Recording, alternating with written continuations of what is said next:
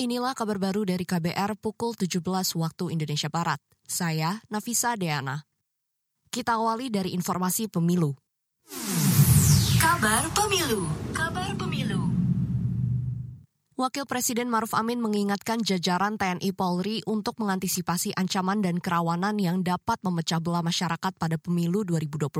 Maruf Amin mengatakan TNI Polri menjadi elemen pendukung keberhasilan pemilu dan pilkada serentak 2024 selain pemerintah pusat dan daerah.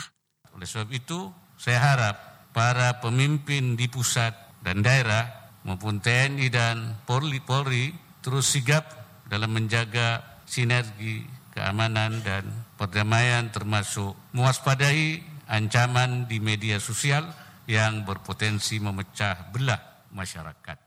Wakil Presiden Maruf Amin menambahkan, kemajuan digital juga telah mempengaruhi artikulasi politik, partisipasi publik, maupun proses pengambilan keputusan berpolitik. Ia menyebut kehidupan demokrasi turut terkena imbas kemajuan teknologi komunikasi dan informasi. Maruf Amin berharap Indonesia mampu menyelenggarakan pemilu dan pilkada serentak 2024 secara aman dan damai. Kita ke informasi hukum. Komisi Pemberantasan Korupsi KPK mengungkapkan praktik jual beli jabatan di lingkungan pemerintah daerah hingga kementerian lembaga masih kerap terjadi.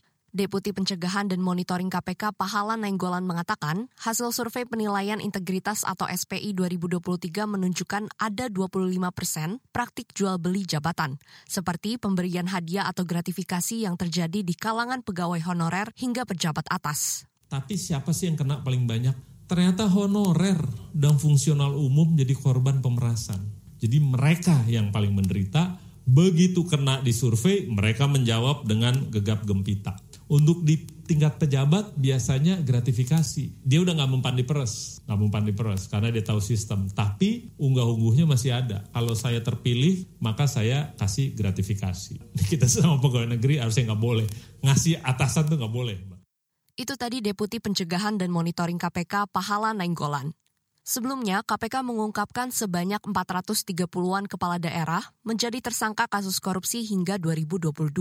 Dari jumlah tersebut, 10 persen di antaranya diciduk lantaran terlibat dugaan suap jual beli jabatan, termasuk kasus dugaan praktik suap lelang jabatan. Kita ke lantai bursa.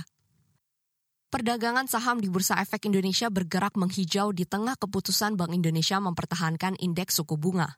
Indeks harga saham gabungan IHSG ditutup menguat 30 poin atau 0,44 persen di level 6.929. Dikutip dari RTI Business, lebih dari 16 miliar lembar saham diperdagangkan dengan frekuensi 1,4 juta kali berpindah tangan dan nilai transaksi 8,4 triliun.